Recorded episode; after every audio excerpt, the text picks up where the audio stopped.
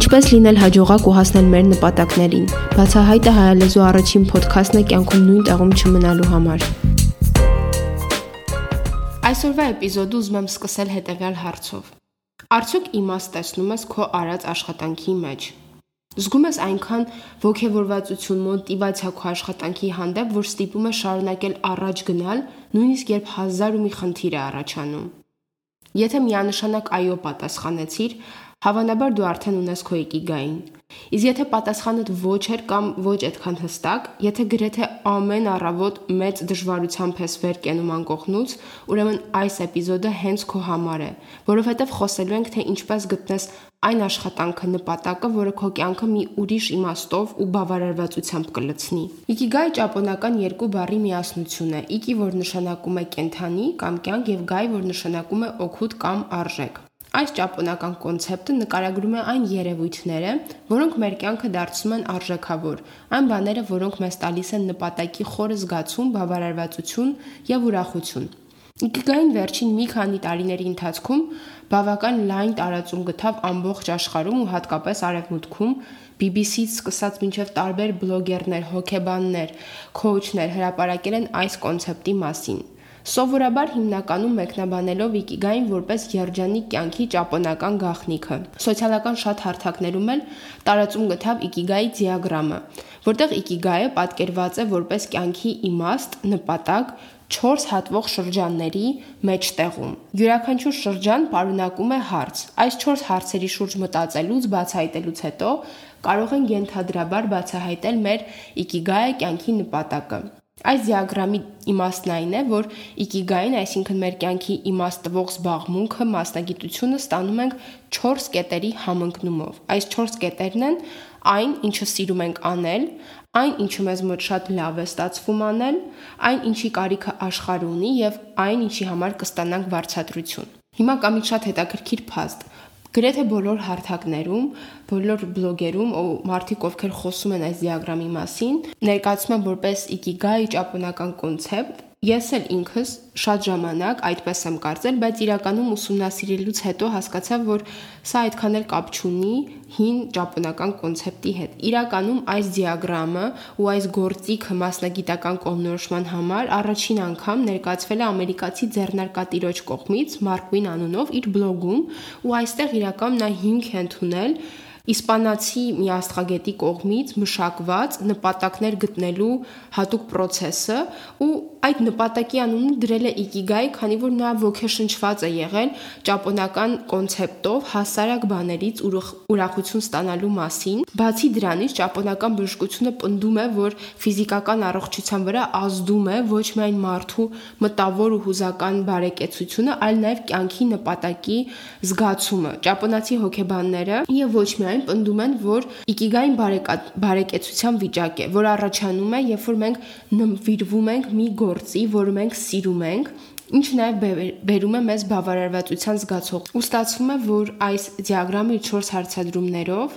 հիմնված է իսպանացի աստղագետի հայտնաբերած process-ի վրա, որը ես ինքս ամեն դեպքում շատ լավ ուղեցույց եմ համարում մասնագիտական կողմնորոշման ու իմաստալից գործ անելու համար։ Բայց սա միանշանակ կյանքի իմաստի ու կյանքում երջանիկ լինելու բանալի չէ, ինչպես շատ հաճախ մեկնաբանվում է, եւ հիմա չնայած որ ասելու ենք Ikigai դիագրամը, ուզում անպայման իմանաք, որ սա իրականում ճապոնական կոնցեպտը չէ այս դիագրամ։ Հիմա ավելի մանրամասն ներդառնանք այս 4 հարցերին, որոնց խաչմերուկում է գտնվում յուրաքանչյուրից իդեալական կարիերան։ Առաջինը, նախ նշեմ, որ չնայած հիմա կասենք առաջին, երկրորդ, երրորդ, չորրորդ, սրանք իրական սրանց հերթագրումը յուրաքանչյուրից կյանքում կարող է շատ տարբեր լինել։ Հարցերը 4-ն են, ինչն է մեզ մոտ ամենալավ ստացվում, ինչն ենք սիրում,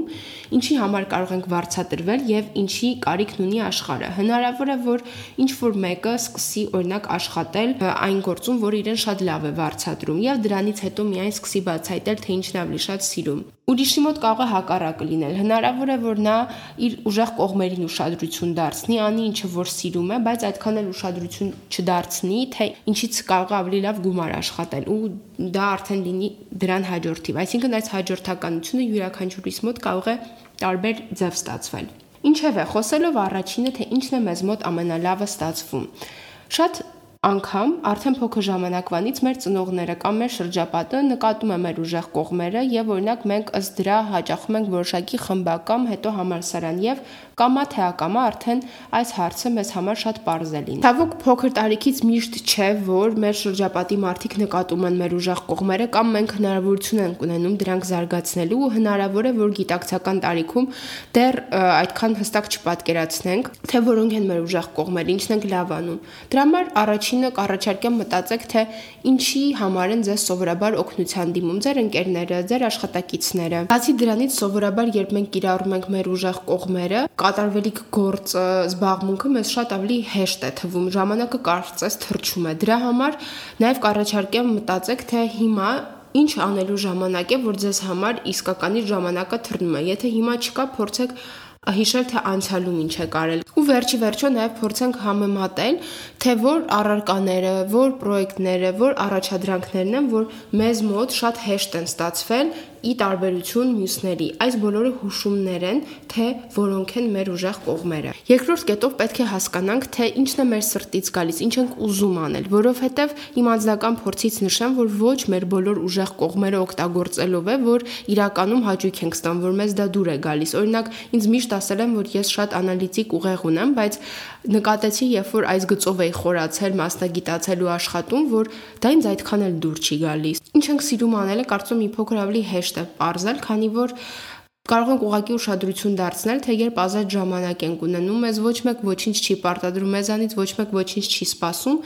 ինչ ենք անում, ինչով ենք սիրում զբաղվել, ինչ ենք սիրում ուսումնասիրել։ Կամ եթե մենք տանք այսպես կոչված 1 միլիոն դոլարանոց հարց, այսինքն ինչով կզբաղվեի ես, եթե իմ հաշվեհամարում այսօր ունենայի 1 միլիոն դոլար կամ 10 միլիոն դոլար։ Մի խոսքով այնքան ֆինանսներ, որ ընդհանրապես ֆինանսի կարիք չունենայիր ինչով կզբաղվեիր այսօր։ Խոսեցինք նրա մասին, թե որոնք են մեր ուժեղ կողմերը եւ ինչն է գալիս մեր սրտից։ Բայց քանի որ սա նաեւ կարիերայի կոնցեպտ է, ինչպես ասացի, ոչ թե մենակ կյանքի բավարարվածության ու ուրախության, անդրադառնում ենք հիմա երրորդ կետին, որը ինչի համար կարող ես վարձատրվել։ Մենք բախտավոր ենք ապրել այնպիսի ժամանակաշրջանում, որտեղ ունենք բազմաթիվ հնարավորություններ մասնագիտություն ընտրելու, դրանց տարբեր ձևաչափեր եւ աշխատելու տարբեր ձևեր։ Մենք ունենք նաեւ հնարավորություն, եթե մի մասնագիտությունը արկա չէ մեր քաղաքում, մեր երկրում, նույնիսկ աշխատել այլ երկրների հետ, այսписով մեր առաջ բացում են բազում-բազում դռներ, որը մեզ հնարավորություն է տալիս, որ մեր ուժեղ կողմերից, մեր նախասիրություններից, ընտրենք այնպիսի մի բան, որը նաև մեզ կբերի բավականաչափ գումար։ Դրա համար այս երրորդ կետը չի անտեսում վարձատրության հարցը, որը կարիերայի բավարարվածության մասնիկն է կազմում։ Օրինակ ենթադրենք ինչ որ մեկը ունի սեր տարբեր մշակույթներ, լեզուներ ուսումնասիրելու մեջ, նաև նրա ուժեղ կողմն է լեզուներ սովորելը, բացի նրանից, որ կարող է ուղակի աշխատել ինչ որ տպագրատանը կամ ինչ որ միտեղ հոդվածներ գրելու համար, կարող է նաև աշխատել թվային հարթակներում, հագմագործակցել տարբեր տեղական եւ օտարերկրյա ընկերությունների հետ, ուսումնասիրել օրինակ տեխնիկական SEO-ի հիմունքները եւ դրանով իր ուժեղ կողմերը, իր նախասիրությունները ներդնել այնպիսի մասնագիտության մեջ, որը իրեն շատ ավելի մեծ վարձատրություն կբերի։ Եվ խոսելով արդեն վարձատրությունից գալիս ենք 4-րդ հարցին, ինչի կարիքն ունի աշխարհը, կարծում սա ինչ որ ձևով կապված է նաեւ թե ինչի համար է պատրաստել վճարել մեզ աշխարհը, այսինքն որ խնդիրների լուծմանն ես ցանկանում օգնել։ Քո շրջապատում, քո հայրենիքում, ամբողջ աշխարհում կան տարբեր խնդիրներ, եւ յուրաքանչյուրս ավելի ցավում ենք ինչ որ մի կոնկրետ խնդրի վերաբերյալ կարող է լինել սոցիալական, բնապահպանական, տնտեսական, հոգեբանական եւ այլն։ Եվ կարծում եմ կյանքի ընթացքում որքան շատ զբաղմունքներ ենք ունեմ, որքան ավելի շատ ենք մեզ բացահայտում, ավելի ու ավելի ենք հասկանում, թե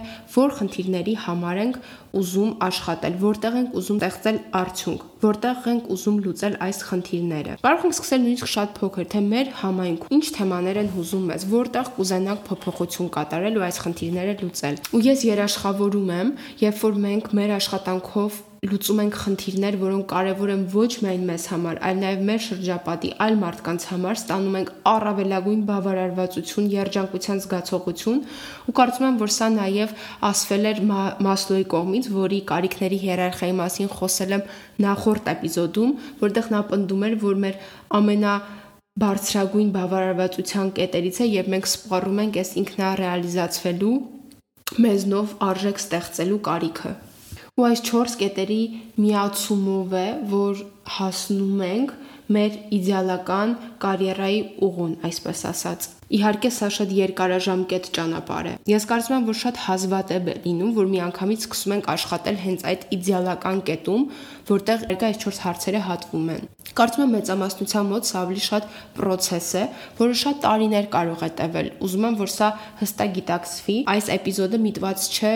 այն կարծիքը ստեղծելու, որ կարող ենք ընդհանրապես այսօր նստել, մտածել այս 4 հարցերի շուրջ ու վաղը կիմանանք ու գտնենք մեր իդեալական կարիերան։ Ոչ, սա կարող է տարիներ տևել, քանի որ մեզ անհրաժեշտ է ժամանակ, թե ինքներս մեզ ավելի լավ ճանաչելու, թե մեր կյանքի ու շրջապատի իրավիճակից ելնելով բարդություններ լուծելու համար։ Օրինակ հնարավոր է, որ ստիպված ենք որոշ ժամանակ միայն փողի համար աշխատել, քանի որ հոգ ենք տանում ընտանիքի մասին կամ այլ խնդրի մասին։ Կամ հակառակը մենք այնքան վառված ենք մի խնդրի լուծելու ցանկությամբ, որ մնացած ոչ մի բանի այդ ժամանակ ուշադրություն չենք դարձնում ու շատ կարևոր է որպեսզի մենք անցնենք այս փուլերը, այս ճանապարհները ու քաղենք այն, ինչը որ պետք է քաղենք դրանից։ Բայց կարևոր է, որ այս ամենի ընթացքում գիտակցենք երկարաժամկետ ճանապարհը, մեր քայլերը ու չդադարենք առաջ գնալ ու ավելի ու ավելի մոտիկանալ այն կետին, չբավարարվել նրանով, ինչով որ մենք գոհ չենք, հասնել այն կետին, որտեղ թե զբաղվում ենք մեր սիրած գործով, թե օգտագործում ենք մեր ուժեղ կողմերը, թե լավ գումար ենք աշխատում ու թե ստեղծում ենք արժեք մեր շրջապատի համար, որը մեզ համար իմաստուն։ Ես վաղ տարիքից այս կոնցեպտի մասին չեմ իմացել եւ սկզբում ինքս փորձել եմ առաջնորդվել նրանով, թե ինչն է իմ ուժեղ կողմը եւ ինչով կարող եմ նաեւ գումար աշխատել, հետո ավելի ու ավելի հասկացել եմ, որ ուզում եմ դրան գումարել նաեւ թե ինչն է իմ սրտից գալիս, ինչն է ինձ հետաքրքրում Մինչև որ նաև բախվեցի այս կոնցեպտին ու կարծում եմ, որ դա ավելի է հեշտացնում մեր ճանապարհը, հատկապես երբ նոր ենք սկսում։ Դրա համար հուսով եմ, որ կպահեք, կմտապահեք այս կոնցեպտը ու նաև առիթ կհանդիսանա, եթե գոհ չեք ձեր գործից կամ այս հարցերից ընդամենը մեկի երկուսի մասն եք մտածել ձեր մասնագիտական կողմնորոշման համար, հիմա ինտեգրեք նաև մնացածը ու ել ավելի մոտիկանաք ձեզ հարազատ ու ձեզ իրականում բավարարվածություն բերող գործին։ Այսքանով ուզում եմ եզրափակել այսօրվա էպիզոդը։ Հարցերի դեպքում իհարկե կարող եք գրել բացահայտի սոցիալական կայքերից որևէ մեկով, եւ բացի դրանից նկարագրությունում կտեղադրեմ նաեւ լինքը, որով կարող եք տեսնել դիագրամի վիզուալ տարբերակը ել ավելի լավ պատկերացնելու համար։